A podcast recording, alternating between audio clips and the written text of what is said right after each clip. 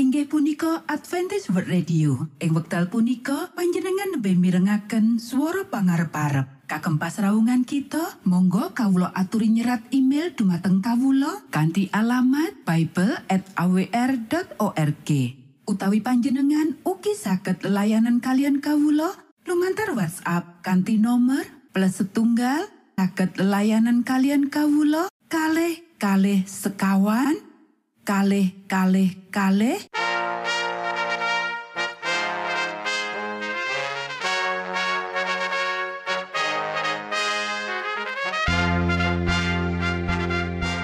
inggih punika Adventis World Radio ingkang giaran kanti basa Jawi tentrem Rahayu Kulo aturaken kagem poro Mitra Kinasih ing pundi papan lan panggonan. Sugeng pepanggian malih kalian Adventis World Radio. Kanti bingahing manah, Kulo badi sesarengan kalian poro Mitra Kinasi. Lumantar saperangan adicara ingkang sampun rinonci. Mligi kagem panjenengan sami. Mugi giaran punika saged migunani tuwin dados berkah kagem kita sedaya. Sugeng midhangetaken Gusti amberkahi.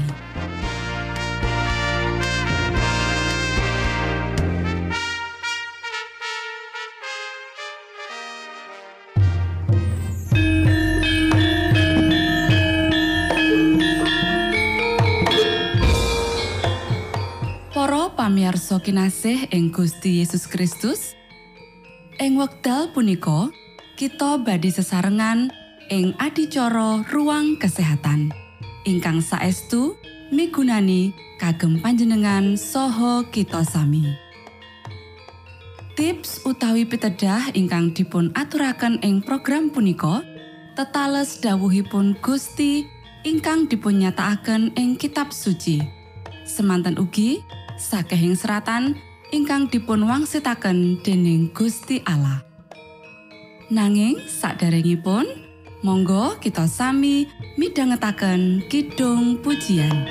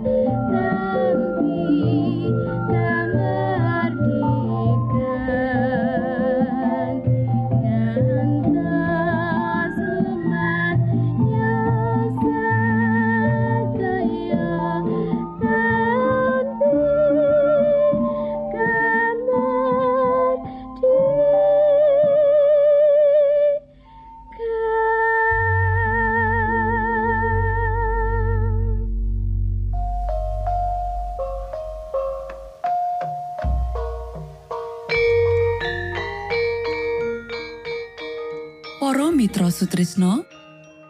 Puji syukur dumateng Gusti ingkang murbeng dumati ingkang sampun kepareng paring wewenngan kagem kita. Satemah saged nglajengaken ruang kesehatan. Pirembakan kita semangke kanthi irah-irahan. Sangu piknik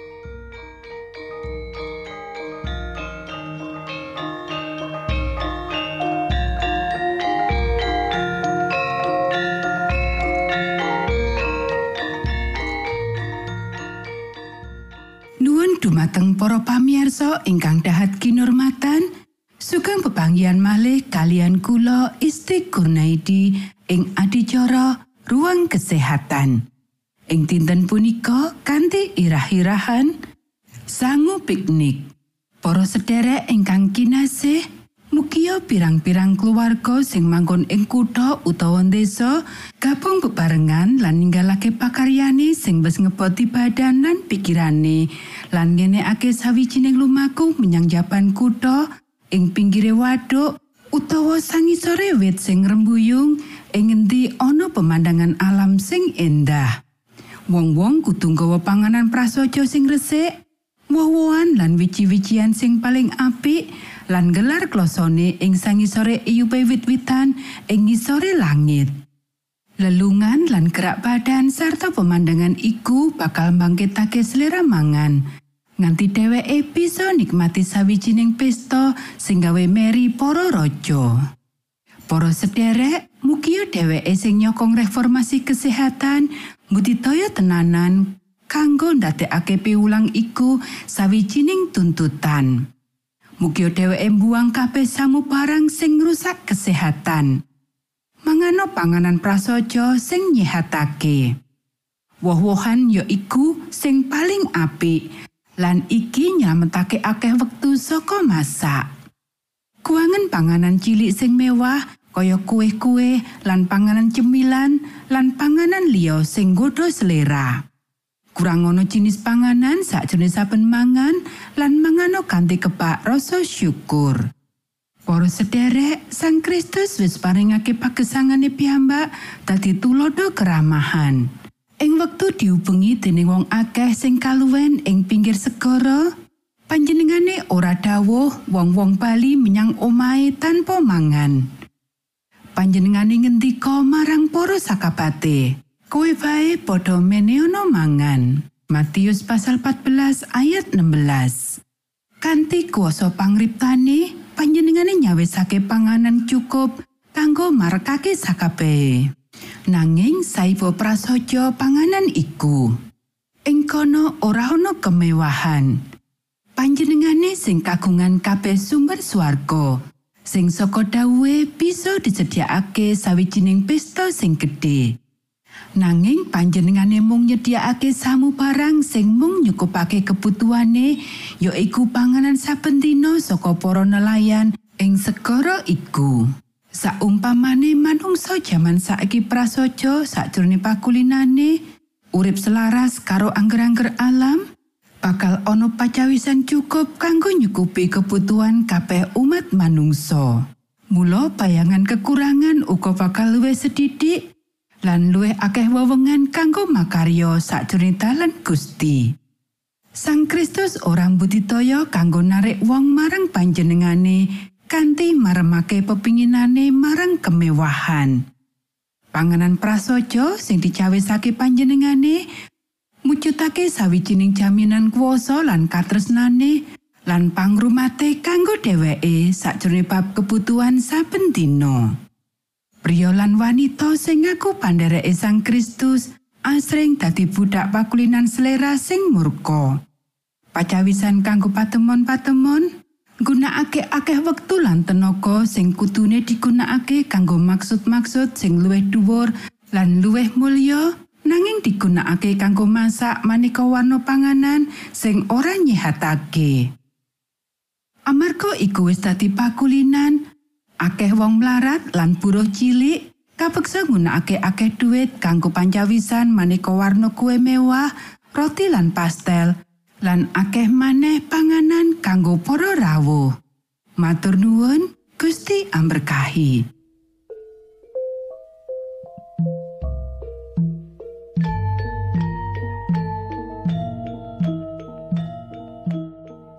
Cekap semanten pimbakan ruang kesehatan ing episode dinten punika.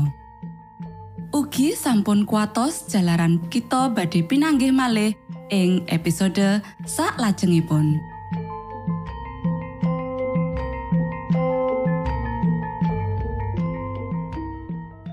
Inggih punika adicara ruang kesehatan. Menawi panjenengan gadah pitakenan utawi ngersakaken katerangan ingkang langkung, Monggo kulo aturi. Kinton email dateng alamat ejcawr@ gmail.com utawi lumantar WhatsApp kanti nomor 025 pitu 00 songo songo papat 00 pitu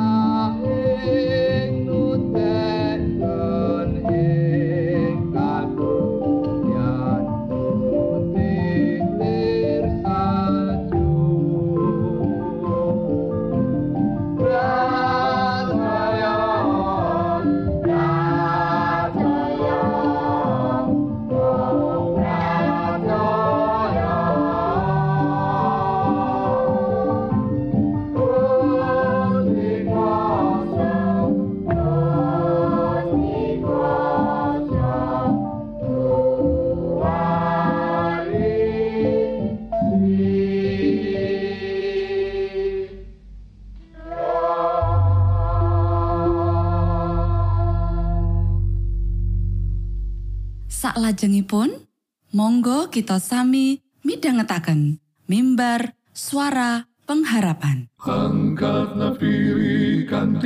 pawarto Sang Kristus paderamu. Pro umat samyo puji asmanyo Sang Kristus paderamu. Inggih punika mimbar suara pengharapan.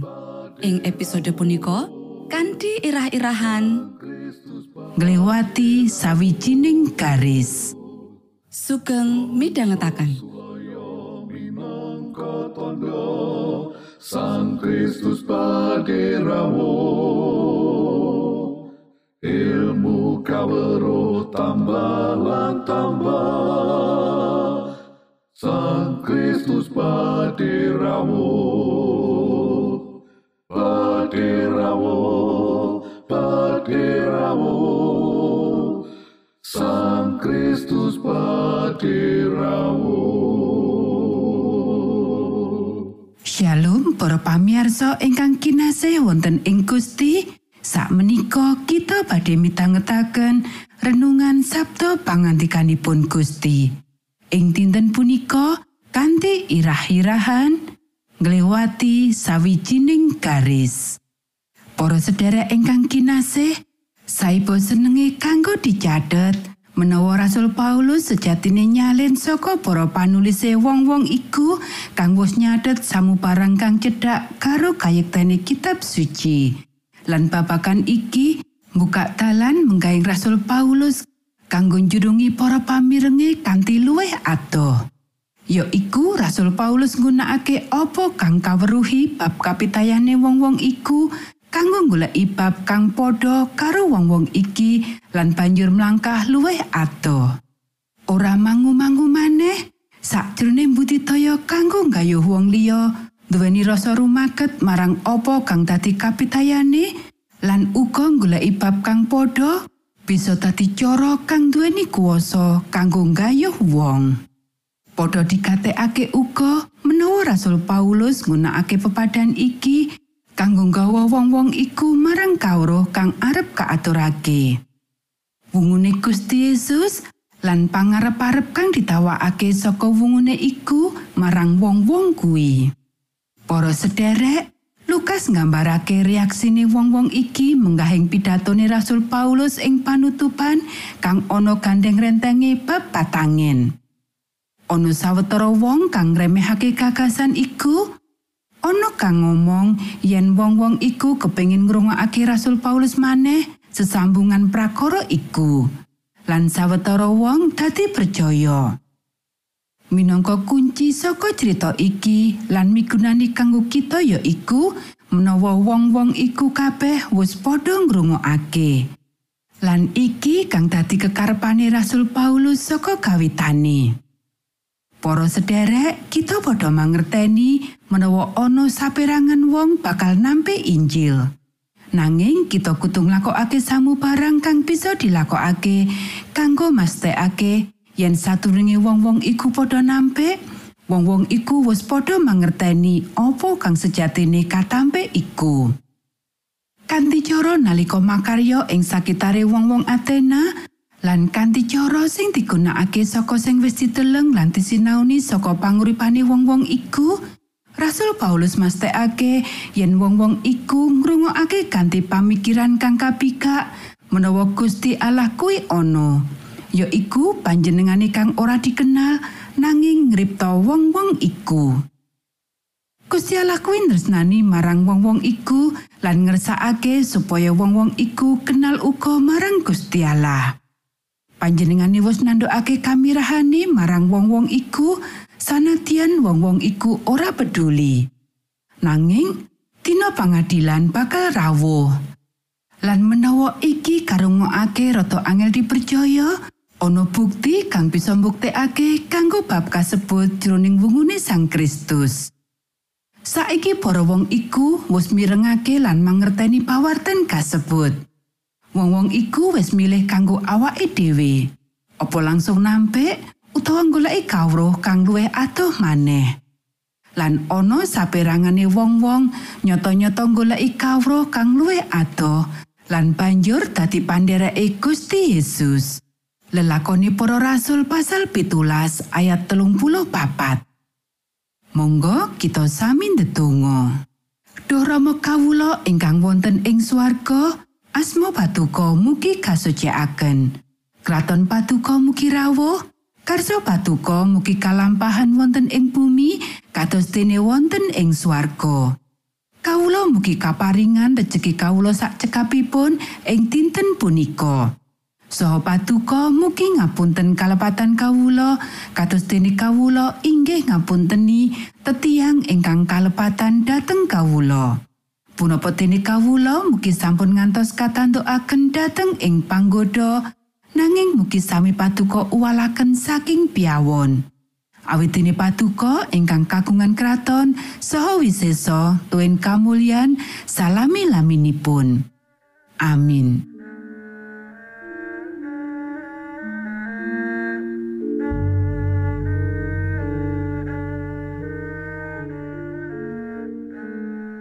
Mitra Sutrisno pamiarsa kinasih ing Gusti Yesus Kristus. Sampun paripurno pasamuan kita ing dinten punika.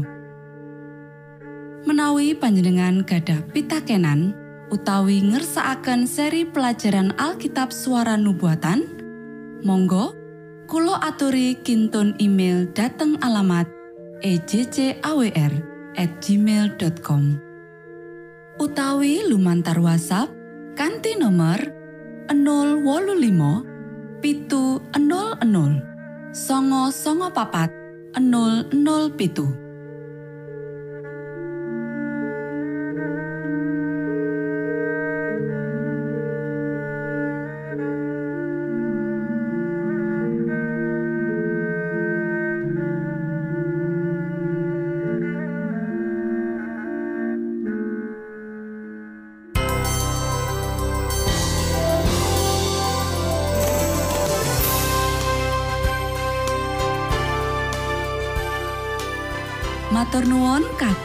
wektalipun kita badhe pinanggih malih ing gelombang ugi wekdal ingkang sami. Saking studio kula ngaturaken tentrem rahayu. Gusti amberkahi kita sedaya. Maranata.